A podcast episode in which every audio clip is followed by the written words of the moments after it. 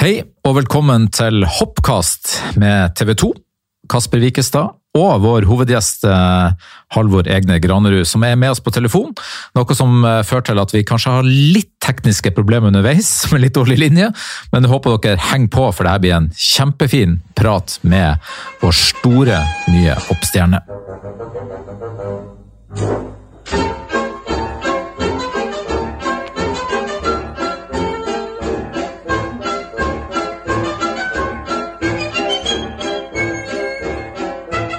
Da ønsker vi velkommen til denne hoppkasten, som vi kaller det. Det er jo et uh, artig navn på en uh, podkast uh, i disse tider, men det er hoppuketid.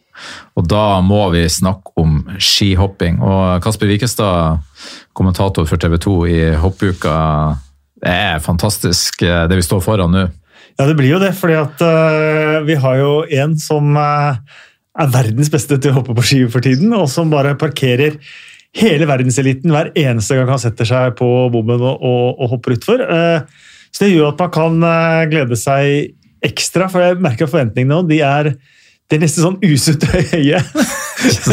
usunt høye, det er ikke bra. Og vi, vi, er jo ikke akkurat de som er minst optimist av natur heller. Nei, på ingen måte. På ingen måte. I hvert fall ikke du. Du er en entusiastisk mann.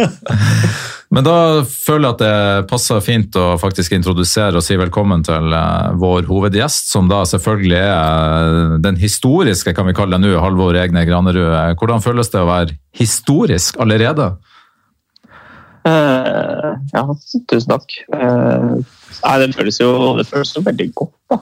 Uh, jeg nevnte jo i Engelberg der at det er på en måte Det er vel det største man kan gjøre som idrettsutøver, er jo å skrive idrettshistorie. Og det å faktisk ha ja, i hvert fall skrevet norsk idrettshistorie, da, det er veldig, veldig, veldig kult. Ja, for Du har vunnet nå fem verdenscupseiere på rad. Det er det ingen nordmann som har gjort uh, før. Bredesen og Ole Bremseth hadde fire hver. Um, og det, det, er mange som har vunnet mange hopprenn på rad, men det, uansett hvor god form du må være i, så har det liksom vært en andreplass eller en tredjeplass inni der, og ta, faktisk ta fem på rad. Det er, det er svært. altså. Er det, er det litt flaks òg? Ja, det, det, må det jo være. Uh, selv om jeg føler jo ikke at jeg egentlig har hatt noe spesielt flaks på den, eh, på den uh, rekka der. Altså kanskje det tydelig Det som kanskje har vært nærmest flaks, er det at det ble så grusomme forhold på det lørdagsrennet i Nizjnij Tagil at uh, jeg med min hopping akkurat klarte å holde skituppene mine opp, mens uh, Eisenbichler med sin litt mer aggressive uh, stil ikke klarte det. det. det. tror jeg nok kanskje er den, det som har vært mest flaks. Han hadde, nok, han hadde nok litt verre forhold enn det jeg hadde, men jeg hadde søren meg fryktelige forhold selv òg. Uh, jeg må si at hvis, hvis, du kaller det flaks, så er definisjonen av flaks ganske utvanna. ja, men utenom det så har det jo, det har jo vært flere, flere av rennene hvor Alex har rista på huet når han har vinka og sånn. Så, og jeg føler at du, du, kan jo kanskje sette ansikts- eller vinkinga til Alex i tre kategorier, hvor du på en måte har den idet det blir grønt lys, og vinker den veldig bestemt. Da, da, vet du at her er det håp, og så har du en sånn normal vinking på etter ett sekund, og så har du den holdninga hvor det hvor det, altså, man får jo ikke med seg at han rister på huet, da, men du får med deg at du blir holdt litt. Og det har jo vært flere, flere av de. Så og da vet du at her, det, her må du gjøre eh, tidenes hopp for å komme over kulden. ja. Hvordan er, det, hvordan er, den følelsen når du sitter i sittestillingen der og vet at oi, nå må jeg levere? Du har jo ingenting å ta til, da. Du kan bare skylde på uflaks hvis det går dårlig, og så kan du si at du er sinnssykt god. Så bra. Så det er jo egentlig ja, Det er som å være keeper i en straffekonk, kanskje. det var en god sammenligning. Virkelig. Men du, hallo, jo, du har du vært på reisefot. Dessverre så kunne du ikke være med oss i studio i dag, for du, er i en slags karantene og har levd i boble nå. Hvordan er det å håper jeg, kom fra ei boble, og så må du inn hjem i leiligheten din i Trondheim, og så må du på en måte bare være isolert der òg. Hvordan er det å være og nyte suksessen i, holdt på å si, i, en, i en boble? Uh, jeg tror jo sikkert for mitt eget ego at det er ganske bra. Eh, for det, det er klart, eh, hvis, hvis det er sånn at jeg hadde møtt folk nå, så ser jeg for meg at det hadde blitt mye mye klapp på skulderen og mye skryt. og ja, Det hadde kanskje opplevd det større da, hvis det hadde vært mer eh, menneskelig kontakt. Eh, men det var, utrolig, det var utrolig deilig å komme hjem i går kveld og bare ja, være hjemme. Eh, lage min egen mat. Eh, ja, pakke ut og bære opp eh, bager og sånn var et styr, men nei, det var utrolig deilig, rett og slett. Hvor mye tid har du brukt på, på, på å google ditt eget navn, da? jeg, jeg, har ikke googlet mitt eget navn. Jeg har googlet mitt eget navn i forkant av at jeg gjorde research til det der Eh, det, det, lille programmet jeg, jeg lager. Ja. Jeg, jeg, jeg googla Klas og så at han hadde Wikipedia-side på egyptisk-arabisk. så da måtte jeg sjekke om jeg hadde det selv òg. Eh, det tror jeg faktisk er det eneste jeg har gjort. Jeg har, jeg har søkt meg opp på YouTube en del. Da. Eh, det er litt gøy å se i hvert fall i planen mitt å se den finaleomgangen i lagkonken med tyske kommentatorer var ja, Du kosa deg da, ja! det er helt fantastisk. Er det sånn motivasjonsboost, da, eller? Ja, det var det. Eh, det var godt. Eh, jeg har, jeg har sett lørdagen nå. Og det var ikke så gøy å se med tyske kommentatorer. Hva sa de, da? Jeg har ikke sett det. Nei, jeg, Altså, de, de, de, er jo veldig flinke. Da. De, de, er flinke til å skryte av god skihopping. Eh, men eh, ja, klart, eh, det var jo litt bedre stemning der enn det det var på, på NRK akkurat uh, den Planet på lørdagen i Planet er bra. Er det litt sånn, eh, dere gutter, dere er jo liksom, noen er jo veldig sånn Nei, nei, vi følger, leser ikke aviser og følger ikke, ser ikke på tabellen. Ingen fotballspillere som leser tabellen, har man inntrykk av når man eh, ser Premier League-sendinger eller eliteseriesendinger. Hvordan er det i hoppmiljøet? Er dere opptatt av hva som skrives, og får med dere det som lages? Uh, ja, jeg tror det. Eh, for det Vi er jo Vi er jo på en måte litt sirkusartister òg, i og med at vi skihopping ikke er en sånn allmenn idrett, så er vi på en måte avhengig av å levere et kult produkt. Da. Eh, og ja, rett og slett for at sporten skal måtte være bærekraftig, da, så er vi avhengig av å levere et godt produkt. Og da uh, er jo det en del av, en del av det å på en måte være, være der, er jo også det å levere ja, levere saker og ting. Men uh, i forhold til sånn nyhetsgreier og sånn, så merker jeg at det er veldig stor forskjell på det å lese Altså etter at man har gjort noe bra, så er det jo veldig gøy å se, se hvilke medier har fått det med seg, f.eks. Det skal jeg ærlig innrømme at det, det sjekker jeg. så Nå er det liksom toppsak på VG? ja. ja. Eller sånn på ny, komme tilbake på telefonen og se at det er liksom nyhetsvarsel om det. og sånn. Det er jo veldig kult. ja, det er stort, det. ja, det har jeg opplevd sjøl. Ja, det, det, er godt at du er ærlig på det, for det, det må jo være stort. Ja, det er klart det. Eh, men det er jo ikke Jeg har også merket at når du bytter mer imot, så blir det på en måte Det er kanskje den største forskjellen, da.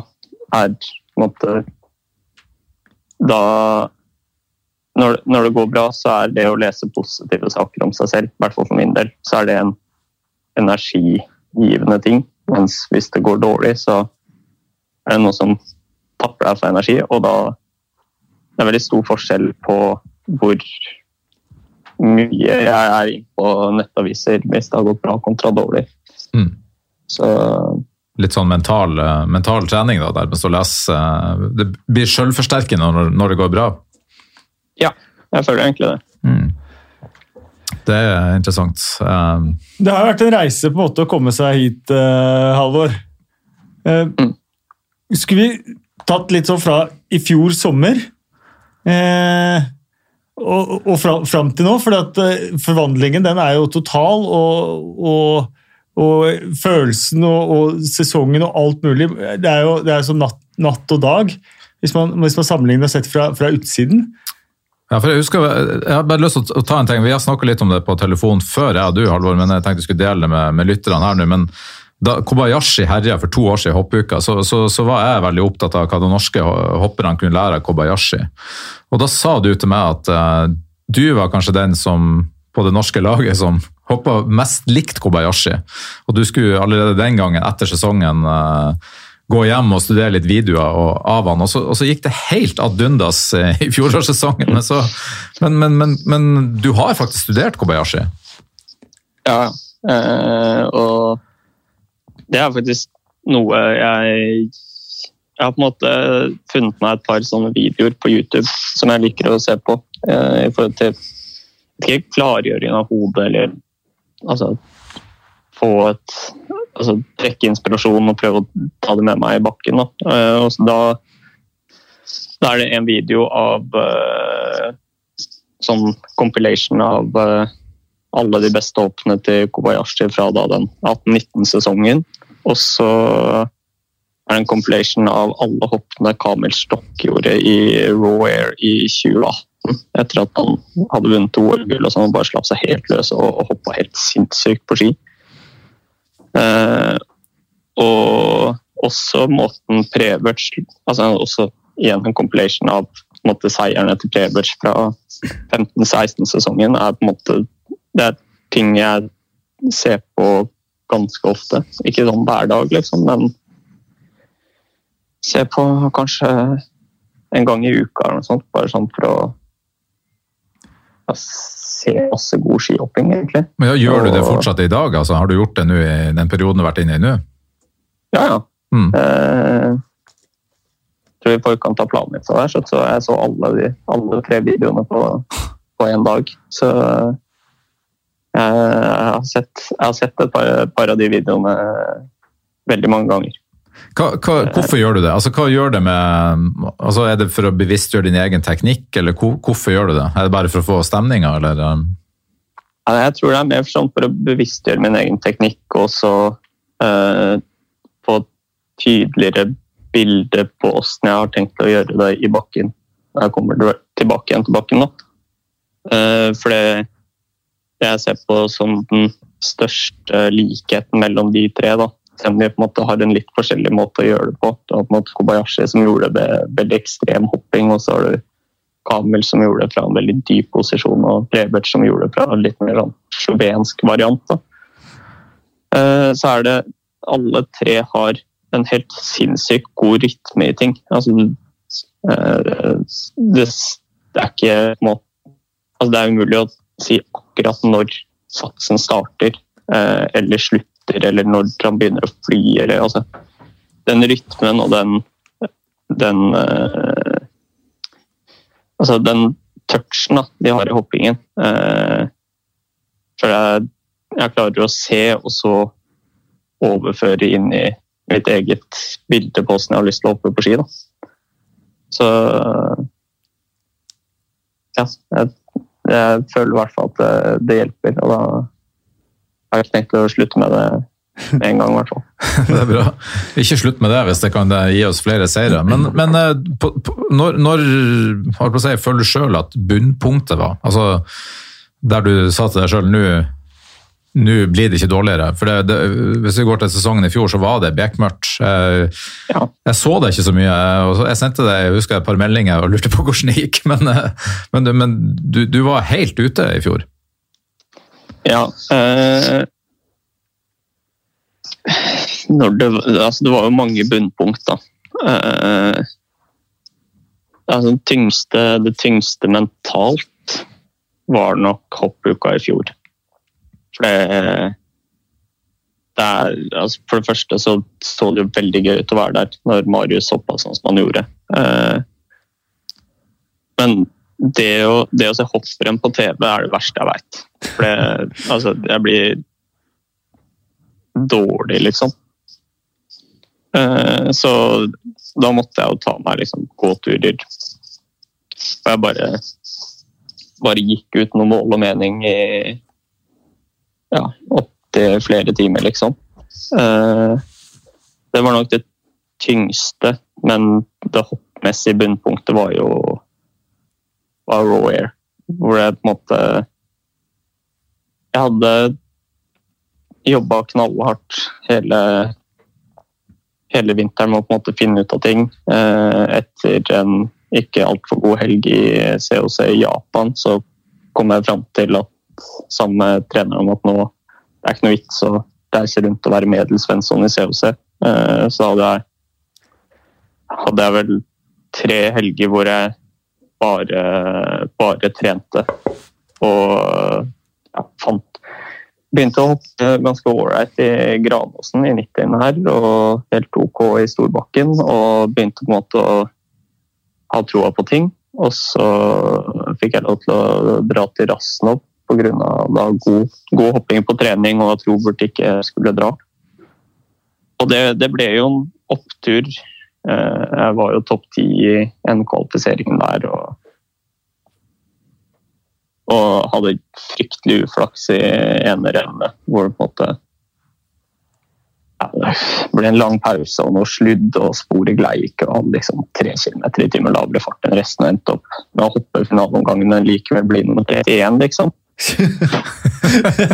Eh, så det var på en måte det føltes litt ut som alt som kunne gå galt, gikk galt forrige sesong. Eh, og jeg følte, selv at jeg hadde gjort nok til å fortjene å få lov til å prøve meg i Lahti, som er på en måte en bakke jeg elsker og ennå har til gode å hoppe dårlig ski opp i, liksom.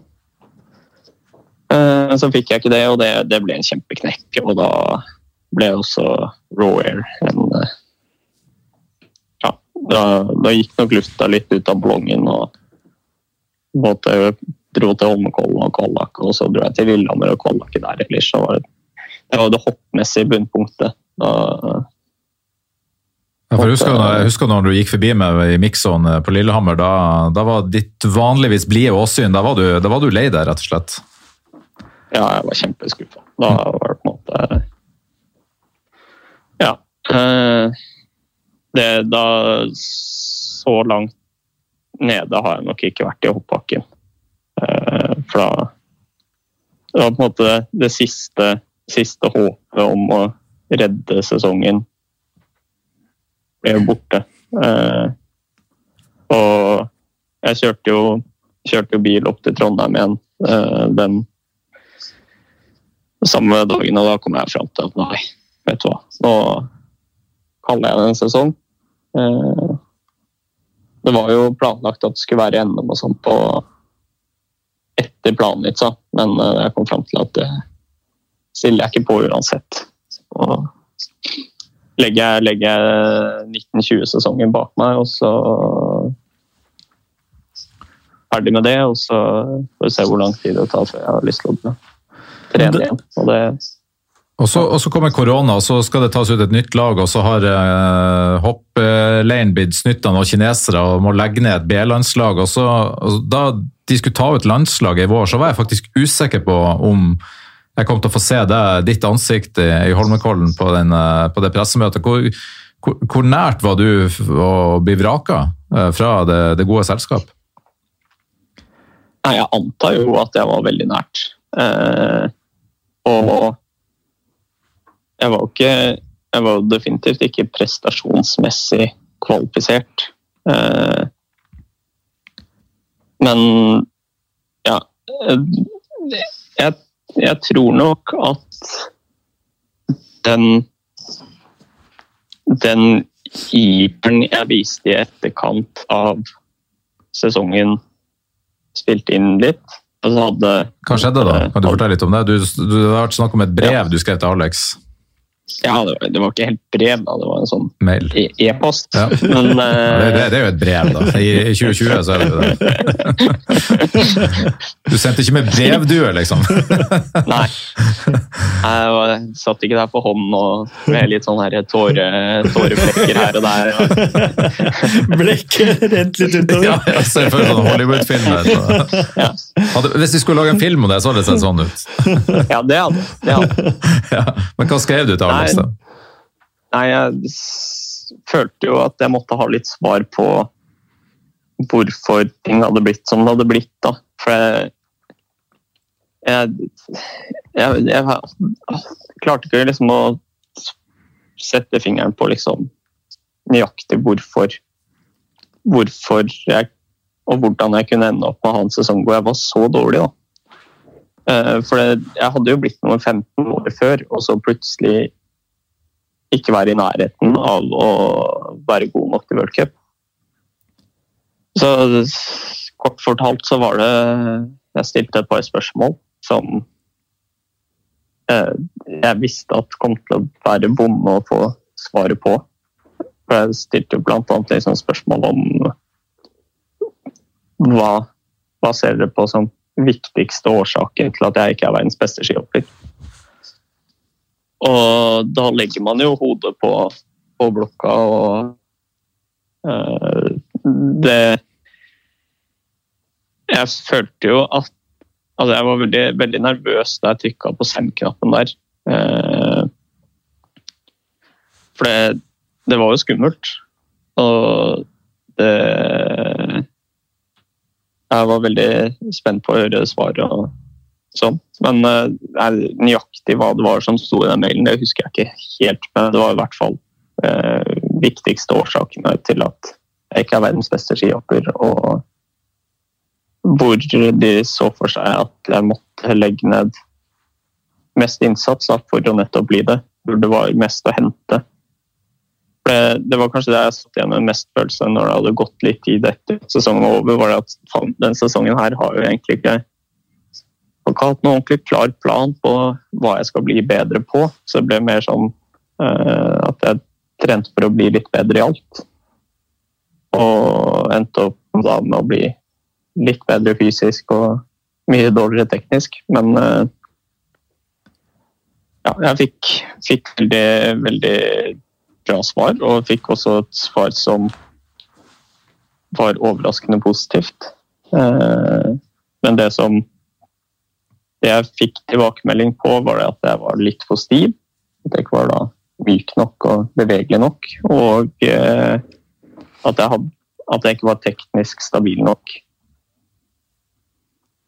Og da hadde jeg jo på en måte en eh, grunnskisse klar da, på hva, hva jeg måtte Eller hvor, hvor jeg måtte eh, legge ned mest innsats. Og da har jeg jo rettet det retning eh, å bli mykere og bli mer, mer teknisk stabil. Og det ja, Basert på sesonginnledning så føler jeg jo at jeg kan si at jeg har blitt ganske teknisk stabil.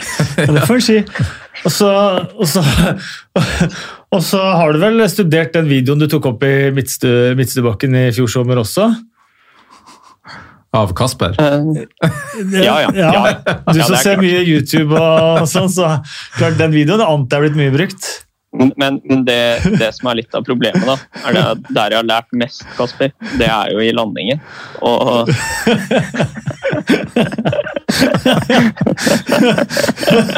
Du er for lett for lugginga.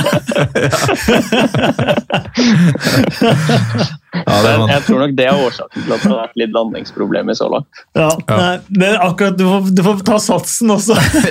For å slette det som går på landing. vi anbefaler, nå vi anbefalte en del eh, videoer på YouTube av de som kan noe på ski. Så, kan bare, så hvis du søker opp Kasper Wikestad og hopp midtstuen, så, så får dere et bilde av hvordan man ikke skal gjøre det. Men, men, eh, men det er jo skrekkinngytende. Jeg, jeg, jeg sto jo og filma Kasper, da, men bare det å, å stå på toppen av en timetersbakke Jeg, Jeg, jeg syns Kasper var tøff. For det hopping Ja, det er jo en syk idrett, altså. Ja, ja, men det er jo kanskje det man får flest spørsmål om da, som skihopper, er liksom hvordan tør du og sånn. Mm. Det skumleste hopp, altså den skumleste det er akkurat like skummelt hver gang du går opp i bakkestørrelse.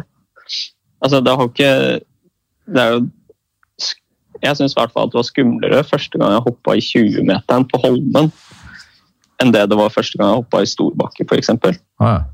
Eller første gang jeg hoppa i skiflyving. For da vet du mye mer hva du går til. For det er Nettopp. ja, der ser du, Kasper. Så det, altså, det, er ikke, det, er ikke, det er ikke så veldig mye mer skummelt å hoppe i skiflyging første gang enn hva det er å f.eks. sette utfor en ti meter. Da. Eh, selv om Det er planen Ja, for neste, Kasper. ja, altså det forbeholder at du har gjort, uh, gjort noen tusen hopp uh, fra du hopper første gang i timeteren til du skal hoppe skiflyging. da. Jo, jo, men eh, en av de du jobber med, Halvor, eh, har vært eh, ja, Vi kaller han vår, men eh, Andreas Stjern, som er ekspertkommentator for TV 2, og som eh, var det i, i hoppuka når du måtte stå uh, på TV, være hjemme og se på TV.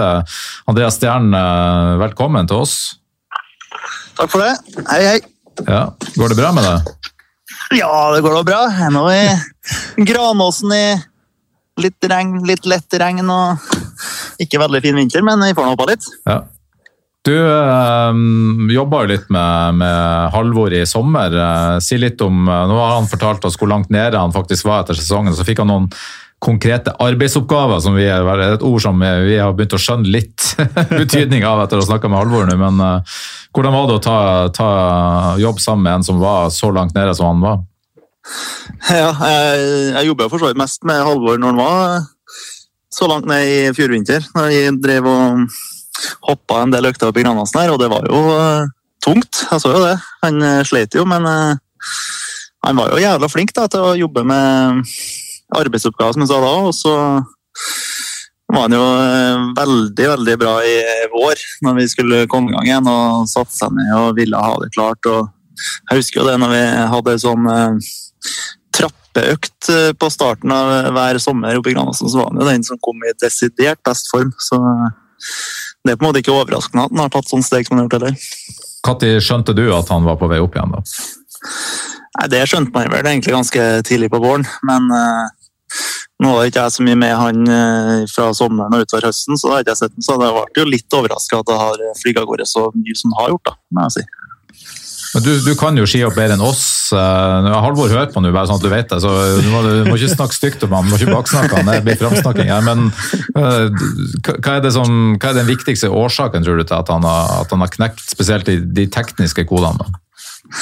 Nei, det tror jeg han var dønn ærlig med seg sjøl i, um, i fjor eh, vår. Han søkte han søkte hjelp til eh, mange flinke folk rundt seg. og Jeg tror han fikk laga seg en veldig konkret og fin plan, og den har han fulgt eh, gjennom hele sommeren, tror jeg. Og det har gitt voldsomt effekt. Og når han først knekker en kode, så begynner snøballen å rulle litt, og da vet man aldri hvor, hvor bra det kan bli. Det her vet du også mye om, Andreas, for du har kanskje vært litt i samme eh, situasjon som han før. Kanskje ikke så langt nede, men eh, du har hatt motgang, du òg? Ja, jeg har vel vært samme like langt ned som Halvor. Eh, Sikkert flere ganger jeg har vært òg, men eh, klart jeg har aldri kommet opp igjen på det nivået han er på nå. Så det er jo, det er jo veldig respekt i det. Ja, går det an å sette ord på det, du som er tidligere? Du er ikke så lenge siden du ga det. Altså, hvor stort er det, og hvor, hvor, hvor god må du være for å greie det han har greid? Ja, du må jo ha klart du må ha veldig tror du må være sterk mentalt på å komme deg gjennom sånne perioder. Eh, Det er tungt når det, når det har vært en god skihopper og vært veldig nære verdenstoppen, og så detter du helt utafor. Da, da føler du at du er helt utafor òg. Du får ikke noe Du mister litt kontakten med laget. og ja, du, du er stort sett hjemme og må jobbe, jobbe sjøl, og det er tungt å se på dem som eh, gjør det bra på, på TV. Så ja, det, det, det, det er vanskelig, men jeg tror det er veldig greit å ha med seg sånne der eh, perioder gjennom en karriere hvis du skal holde deg på toppen eh, lenge etterpå. Halvor, hva har, eh, hva har Andreas betydd for, for den framgangen som du har, du har hatt, den forvandlingen du har vært gjennom?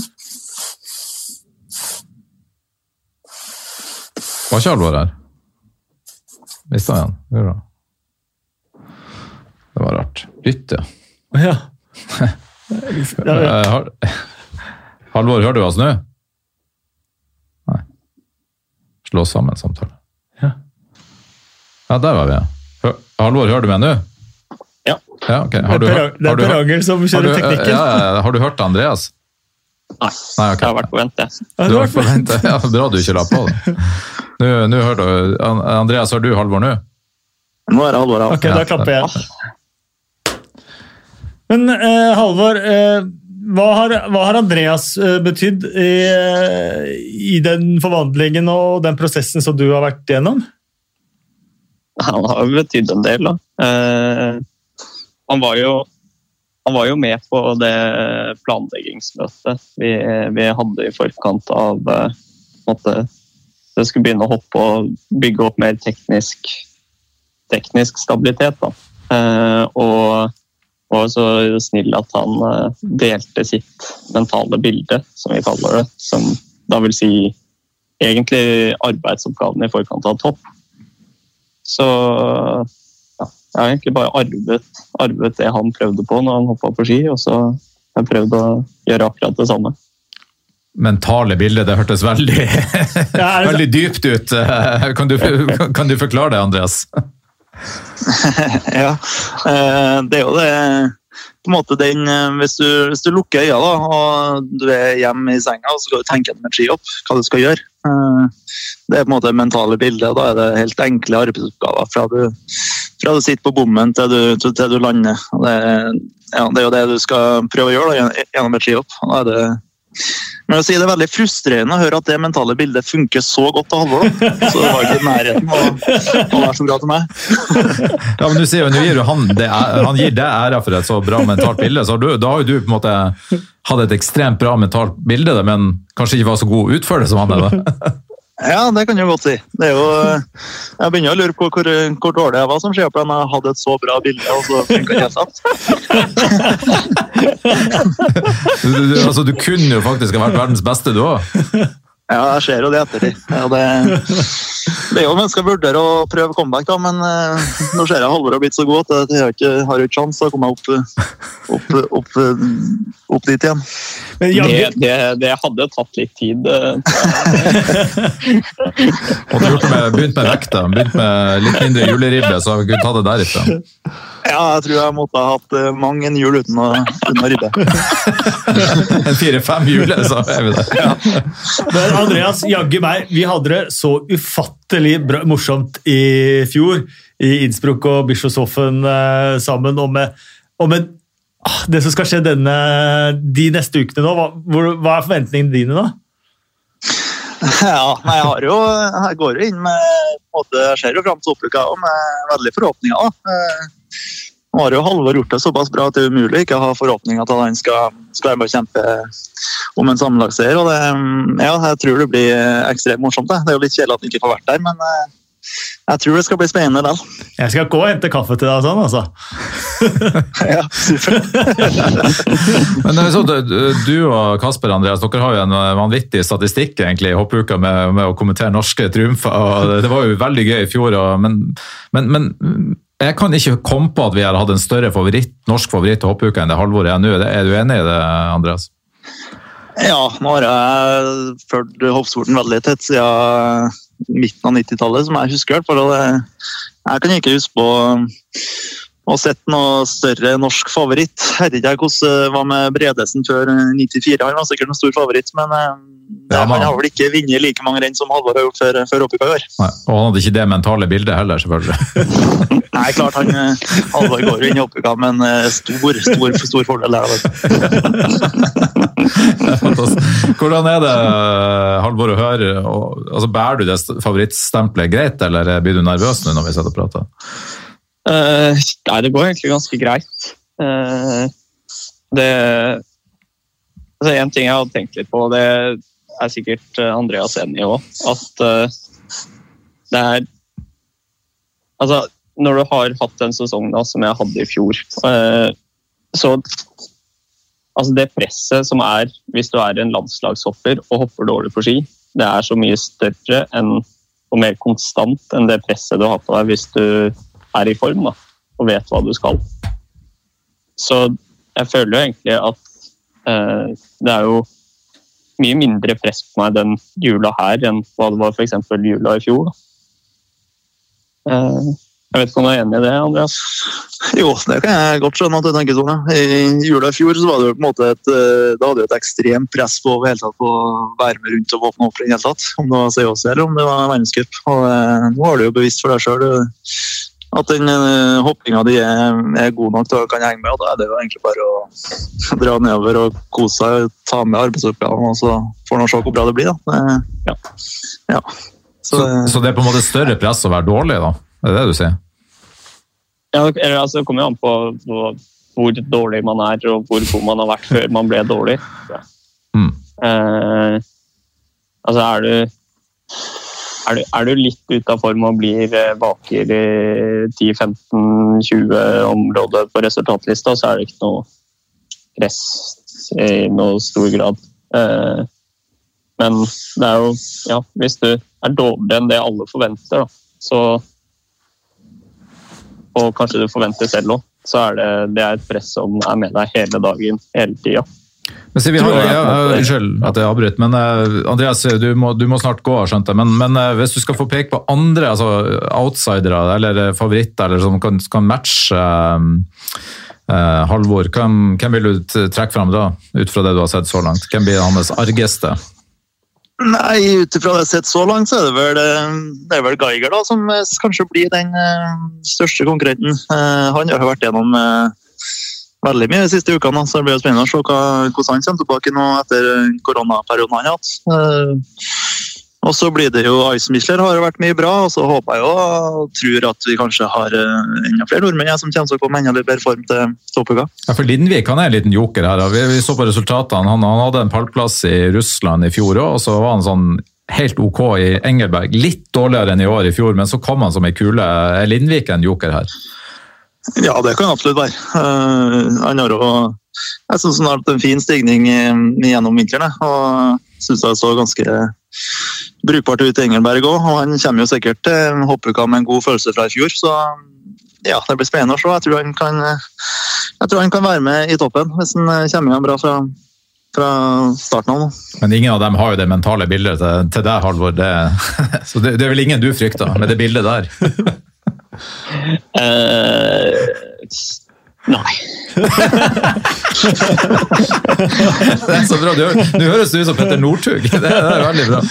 Ja, ja, men altså, det er jo ikke altså, fryktig. Altså, jeg vet jo Jeg har på en måte fått så mange bekreftelser nå på at hvis jeg klarer å gjennomføre det jeg har som plan å gjennomføre, så skal det veldig mye til å hoppe fra meg. Eh, og det er Altså da, da er det jo ikke så farlig hva resten gjør. Det er veldig sant. Eh, Det vi, vi bare, det vi snakka om, det er presset for de som på en måte har vært eh, gode og, og som ikke får det til. sånn. Som Gregor Slirensauer, Kobayashi denne sesongen. tror du de, og Du er jo sammen med de hele tida. Går de ut og føler på, føler på dette her? Ja, det tror jeg. Det tror jeg. Eh, nå har de jo på en måte Det har vært mye rart for Gregor. Da. Han har jo altså I Wisla der så er det litt begrensa hvor mye man kan trekke ut av det, og så var de i karantene, og så Ja. Eh, tror jeg ikke han hadde helt flaks i helgen heller, men eh, for han så Altså det, det presset som er på Gregor, det tror jeg ikke er på noen annen skihopper.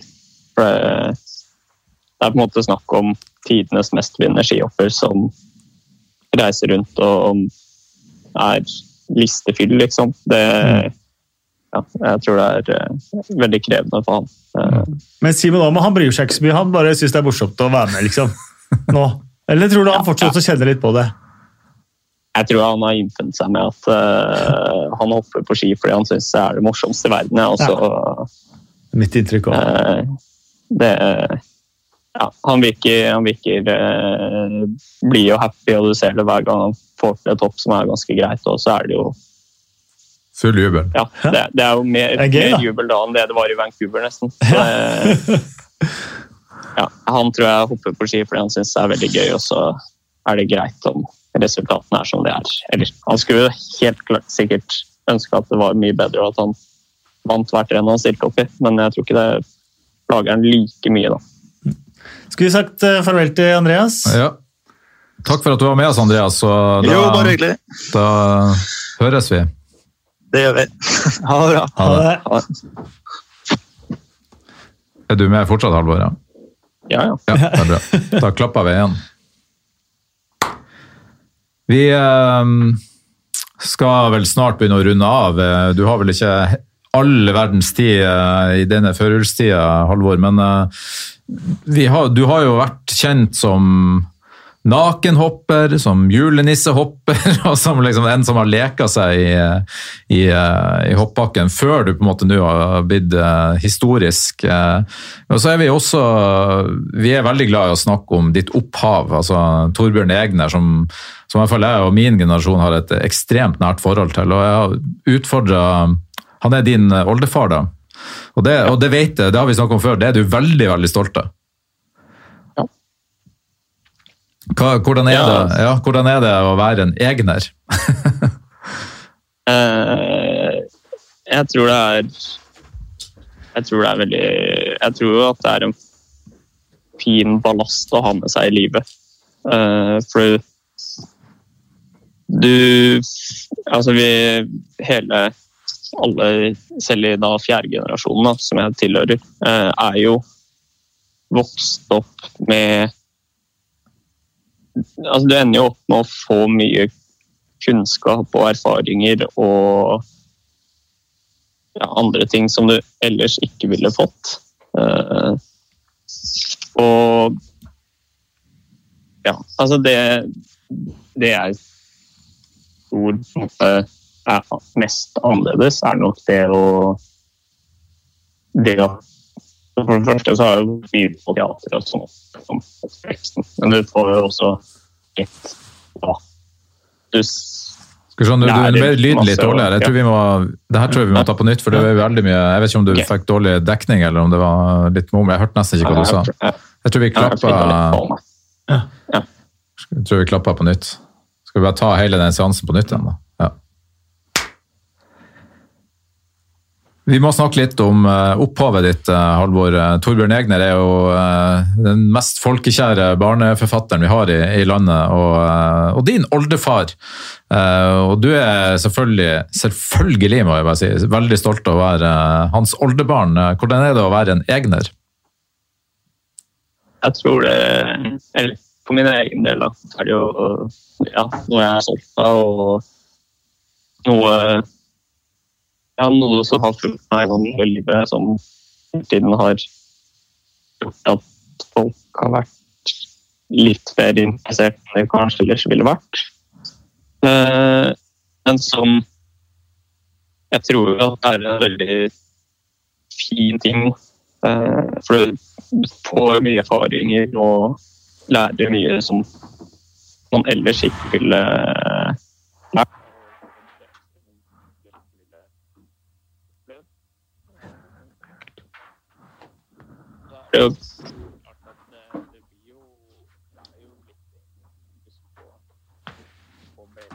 mye av, eh, av eh, livet i familien. Eh, Jeg har jo da en bestefar som styrer, styrer mye av, av administreringen og vedlikeholdet av verkene og ja, nye Han styrer ikke teaterforestillinger og sånn, men han hele da barna til Torbjørn har jo styring på hvem som får lov til å sette opp forestillinger og sånn. og ja, Åssen hele den kulturdelen fungerer, da. Eh, tror jeg betraktelig mer innsikt enn hva jeg ellers ville hatt. Eh, og så føler jeg også at det er en en slags arv og et ansvar om å ja, være være bevisst, kanskje, på uh, hvem, man, hvem man er. Eller hvem, at man representerer det litt også gjennom selv ned i fjerde generasjon. Da. Jeg tenkte vi skulle utfordre, jeg hadde lyst til å utfordre Kasper eh, på hans eh, topp tre Torbjørn Egner. eh, Hva, hva, hva, altså Hvis vi tar sanger, bøker eller figurer, hvem, hvem, hvis du skal sette opp en pall med Egners, ja. Egners beste? Tredjeplass så er det Jeg var fryktelig glad i Karius Baktus da, da jeg vokste opp. Uh, den har betydd mye for min tannhygiene. altså, de er på ballen, ja. ja, de er på tredjeplass. Uh, andreplass Jeg jo, har jo uh, med mine barn uh, tatt dette teatertoget i Kristiansand dyrepark hver gang vi har, vi har vært der. Og der syns jeg Klatremus er så morsom, og stort sett spilles av veldig morsomme figurer og sånn også. Så det har gjort at jeg har blitt veldig veldig glad i, i Klatremus. Eh, ikke for å drive reklame, men det er jo utrolig fin, eh, det der rundtoget med, eh, med forestillingen fra, fra Akebakkskogen rundt hele veien. Så det er kjempe, kjempefint. Og så blir det jo Kasper Esper Jonathan på første, selvfølgelig. Ja, spesielt, spesielt, Kasper, da. ja, identifiserte meg litt der. Ja, Så du, du var liksom, han var helten? De røverne der. Ja. Da burde kanskje jeg si tante Sofie, da. På, som, som, satte de på plass. Jeg, før du skal få ta din, uh, Halvor, så må jeg ta min. da. Jeg har jo um, små barn nå. da. Så må, på tredjeplass på pallen der så må jeg jo ta Det er for så vidt klatremus, det òg, da? Er det ikke? Nei, det, jo, nå ble jeg litt usikker, men den godnattasangen som for, for, for, for, for, Even til å sove, den So ro lille mann. Fantastisk eh, tekst. fantastisk. Det er jo ikke Torbjørn Egner som har skrevet melodien, men, men, den visa er jo helt nydelig. Og den seansen når eh, han liksom skal lure reven og få han til å sove oppi, eh, når han sitter oppi treet der etter å ha rømt, det, det, er jo helt fantastisk. Men den sangen har jo dattera mi på to år bare trykt til sitt bryst, og den synger vi veldig veldig ofte og syns det er stas. Og så jeg kan ikke ta det samme som Kasper, da, men, jeg, men jeg er veldig glad i folk og røvere også, så jeg må jo ta, må jo ta han. En, en som var liksom, jeg digga veldig, det var han Tobias i tårnet. Han var, han var helt fantastisk. Eh, en, et forbilde, vil jeg si. Også, som hadde full kontroll på det meste i, i Kardemomme by der. Og så Og som var nordlending opptatt av været. Ja, veldig opptatt av været. Kanskje det er det som er men, men, jeg må ha litt sånn Det er liksom det, mitt sterkeste sånn, egenminne fra barndommen. Jeg tror det må være Um, altså en sang som vi altså Vi sang så sinnssykt høyt når vi hadde musikktimer på barneskolen. Og det var jo selvfølgelig uh, Oja, oja, oja, oja Og dyrene i Afrika og alt de har å gjøre For en fantastisk sang! Og det er liksom uh, den, den, teksten her òg er veldig morsom. Uh, som Krokodiller spist noen apekatter, den er jo, den er ganske brutal, da. Men eh, for oss som var barn, eh, når jeg leste den som voksen, så tenker jeg herregud, kan du skrive sånne barnesanger? Men når, når du er barn, så ser du det på en helt sånn annen ja. måte. Da. Og, det, og, det, er litt det jeg tenker genialiteten med Torbjørn Egner. Er du enig, Halvor? Ja, jeg syns det var fin, eh, fin liste. Og jeg tror også det, det er jo ikke det er ikke pynta så lenge. Altså, du får jo servert realiteten i via av i mye av verkene form av ja, Det ender jo ikke så godt med Garbus og Bokkes. Nei, det endte vel egentlig verre enn det det endte opp med? Ja. ja. Uh, ja altså det Det er jo en altså Det er jo ikke, det er ikke fint. Altfor mye, da. Altså du får, eh, får, litt harde fakta og ja, gjør du dumme ting, så må du i fengsel. og ja. Jeg er ikke enig. Det skulle jeg også lage isen. Ja, um, jeg har fortsatt litt uh, sånn. uh, Jeg har fortsatt litt trøbbel med lyden din. Uh, jeg vet ikke om du, Er du på samme plass som vi starta, eller?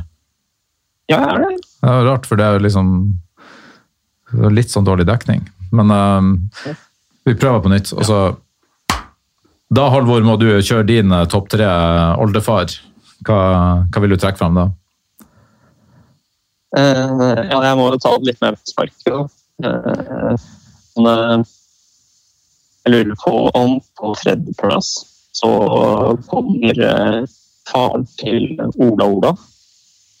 som heter Halvor. Og også er eh, Det er da den, den personen som jeg er oppkalt etter.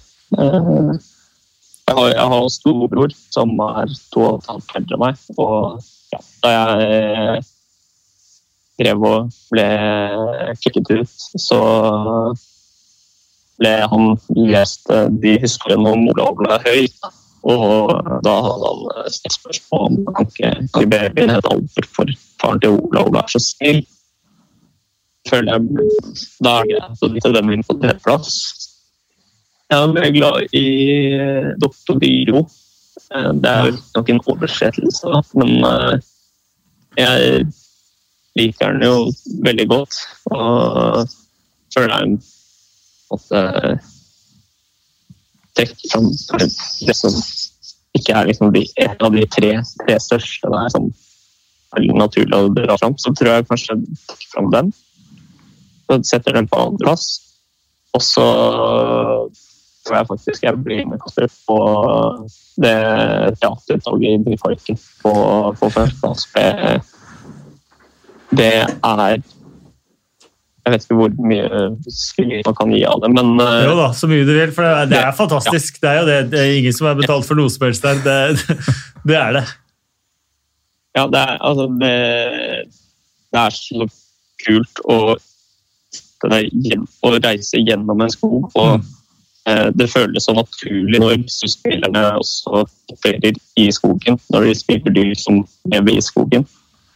Eh, I tillegg så er det jo bestefar som har vært arkitekten og Ja. bak det. Så det, det gjør det enda litt kulere. Eh, og jeg syns, hele den settingen med det at man har Jeg tror jo jeg tror det er ganske unikt det å ha, ha, ha en teaterforestilling som går gjennom skogen. Eh, all logistikken det medfører når du har forestillinger hvert 15 minutt forskjellig, altså Du har flere sett med klatremuser og Mm. Eh, ja, alt, alt rundt det syns jeg bare er utrolig kult. Og rett og slett eh, tøft og kult at vi klarer å få til så og det ja, funker hver gang. Vi har, vi har hatt litt eh, lydtrøbbel her. Um, så jeg vet Ja, ikke vi beklager til de som uh, hører på. ja, vi har det, så. Men uh, vi, vi, vi, vi, har hørt det meste du har Ja. sagt, Halvor. Men uh, det er på tide å runde av. Vi må bare høre hva, Dine egne forventninger nå før oppuka, det er jeg spent på å høre. Hva, hva er mindsettet når du går, går inn i det? Eh, jeg skal være offensiv, i hvert fall. Mm. For det, det var egentlig det jeg hadde fått mest ut av det skiflygingsrennet. var at den første ble for passiv. Jeg tror jeg kom til å ta, ta sjansen. Eh, så det blir det viktigste målsetningen for meg er å tørre å ta sjansen. Og så er det jo klart at jeg håper jo jeg håper at jeg kan uh, tjene gullørna til slutt. Men eh, det, det er jo det viktigste for meg er at jeg klarer å være tro mot arbeidsoppgavene mine. Dette mentale bildet til stjernene og ja, tørre å ta sjansen. Så kult. Vi får, eh, vi får eh, utfordre en kunstner til å male det mentale bildet ditt da, hvis du vinner hoppuka. Det blir julegave, det blir julegave neste år. Går det an å vinne fire på rad for deg òg? Kan du ta ni strake? Er det, er det helt utenkelig, eller eh, er du, går du på vannet nå? Eh, det går jo an. Eh, jeg føler jo at Altså Jeg hadde, hadde vært sånn at jeg kunne sett tilbake fem stjerner og begynt og sagt at fader, jeg har klart å hente ut ti overlegne hopp i forhold til hva annet jeg driver med, så hadde jeg nok vært mer usikker. Men eh, jeg har jo ikke, jeg har ikke vært utenfor topp tre i noen, noen hopp siden Siden du var på fjerde. ja, siden jeg ble, lå på fjerdeplass etter første omgangen i Kuso, og det rennet jeg Mm. endte opp å vinne. Det er sist jeg hadde et hopp utenfor topp topp tre. da. Mm. Og det har jo vært veldig mye rare forhold siden det. Og det tyder jo på at uh, altså at, at jeg håper godt nok til å også slå ut fra start. Så det er klart, det, det er definitivt mulig å vinne, vinne alle fire, men eh, da skal veldig mye kaffe. Og ja, jeg må være fryktelig, fryktelig flink. Men det er jo mulig. Og jeg tror jo at det er Jeg tror det skal mye til at jeg i løpet av karrieren skal klare å stille bedre eller ha større mulighet til å få det til da, enn hva jeg kanskje har nå. Det er bra. Vi ønsker deg lykke til, Halvor. Og så, er vi veldig spent. Så takker vi for en meget interessant prat. De som er interessert i hoppsport, de har fått litt porno nå. Ja, ja, det burde jeg fått. Ja. Det burde Det jeg fått. Ja. Så ses vi i, i Innsbruck, i hvert fall. Jeg kommer ned mens Kasper han må være, han må være isolert her. Andreas Stjerne, jeg vil holde fortet her. Ja, det er bra. Bra. Han er bra. Da ses vi. Ja, vi gjør det. Hei. Ha det bra. Og da kan vi, Kasper, avslutte med å si Skal vi, at eh, nei, skal vi ta og tippe en pall for eksempel, til sammenlagten på hoppuka? For eksempel? Ja. eh, jeg har litt lyst til å ha Lindvik som en joker der, på, ja, på min tredjeplass. Vi kan ikke, skal, skal vi bli enige med han? Ja, for jeg hadde tenkt min eh, Lindvik tredje, Eisenbichler andre, Granerud første. Ja, Det vil være en helt syk eh, pall med norske øyne, men de, de har jo vært gode. Det, det er mulig. Var det den du tenkte òg? Ja, jeg, jeg tenkte det, men eh, jeg er litt usikker på Geiger. Geiger, ja. men, men også, også Sovic, Stokk Ja, våkne litt litt, men han var god i Engelberg i fjor i fjor ja, og så- ja. Og så ble det litt sånn rør i hoppuka. Så, eh, men polakkene har ikke sett så sterke ut. Nei, det er faktisk mulig. Skal vi være litt offensive og si Lindvik, Eisenbichler, eh, Granerud? ja, for Geiger er jo selvfølgelig en kjempe Ja, men Altså, er på overstår for Ja. Verdensmester i Planica på lørdagen. Far på mandagen. Korona på tirsdag eller onsdag. Det er ganske bra hat trick, det, og det skal litt til å hente seg inn. Ja. Eh, Hvis han eksempel ikke har fått vært så mye sammen med sitt nye barn, Mm. dårlig samvittighet på hjemmebane, skal reise igjen med en gang. Det er ganske mange sånn, for et menneske, da, Mm. eh, usikkerhetsfaktorer før man skal prestere på det aller beste man har gjort. Mm. Det er det. Nei, da, vi, vi kan ha han som en outsider, da. Vi har det. Men jeg tror, skal vi lande på de tre, da? Ja, jeg syns det. Jeg synes det, var, det var også så morsomt med Lindvik i for at jeg tror jeg, det er noe morsomt å starte på. Ja. Spesielt innstrukken da vi skjønte at Ja. her vinner han, og nå er han med, liksom. Ja. Og faren hans han jeg så, som er kruttønne av en person. Og som var smøre, smøremann Ja. i Engelberg. ja. Nå når Kenneth Gangnes var hjemme.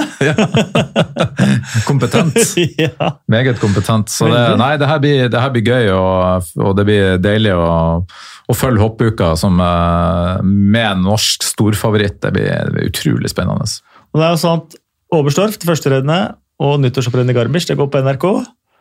Og Innsbruck og Bischofshofen, de to siste, det går på TV 2. Ja, og kvalik og alt. Ja. Hvert eneste hopp, det skal du eh, få æren av å kommentere. Ja.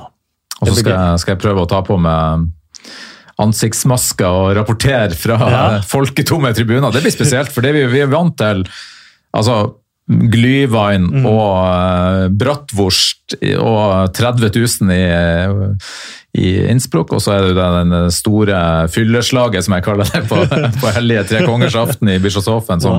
der det blir veldig der det er folketomt. Men jeg tror ikke det vil prege eh, Halvor eh, på noen spesiell måte, for de har vært i den bobla her. og Som, som vi hørte han sa, han, han er i sin egen boble fram til han reiser ned dit, så, så det tror jeg går helt fint. Men det blir spesielt. David Kobatski, tror du han kan våkne til Nei. Nei. Han hadde momentum i fjor. Ja. Han, er ikke, han er jo egentlig ikke en vinnertype. Ikke der. Nei, Han har vært med lenge. Altså. Han fikk sine 15 minutes Ja. of fame i fjor. Gjorde, ja, han gjorde jo det. Ja, han gjorde det. Han, hadde jo, hadde jo sånn, han gjorde ting han aldri har gjort før. Ja, Jeg tror Han har det ikke i seg. nei, Jeg tror ikke det. Hyggelig fyr, for all del, men eh, jeg tror ikke det. Nei. Jeg hadde, jeg hadde ikke trua på han i fjor heller, det må jeg bare si, men, eh, så der bomma jeg jo litt. Men, eh, men eh, han har jo vært en evig toer som plutselig fikk fikk noen uh, golden moments, så det, det, det, det unner vi han. Absolutt, og polsk og alt. Men vi unner han ikke noe mer. Ikke nå. Nei. Nå er det vunnet. Såpass patriotisk må vi være. Ja. Ja. Ellers så er vi veldig glad i polakker. Fantastiske folk. Ja. Hyggelige folk. Definitivt. De utøverne er jo, er jo veldig proff. Spesielt Kamil Stokk. Han framstår jo ja, for en stor idrettsmann, rett og slett. Og ingen lager bedre liv i hoppbakken enn polakkene heller. Nei, det... de, de, blir vi å savne. Ja. Å, så fryktelig! Glade folk. Glad i det meste. I hopp og drikke. Hopp og drikke er du klar? i. Ligner på nordlending, de òg. ja, ja, det er kanskje derfor jeg liker polakker. Sånn, jeg føler meg veldig hjemme sammen med polakkene. Det er bra. Jeg tror vi avslutter der før vi, ja. før vi eh, sporer helt av. Og så håper vi dere følger med på NRK sine sendinger, og ikke minst på TV 2 sine sendinger etter nyttår. Og så takker vi for oss. Ja, God jul til alle sammen, og kanskje vi høres igjen. enda bedre romjul. I løpet av hoppuka at vi kanskje kan melde oss fra de dype alper og korona, hvis vi finner et smutthull i koronareglene, at vi kan eh, gi noen live-rapporter underveis òg. Men det, det, får vi komme tilbake til. Det kommer vi tilbake til. Takk for at dere hørte på.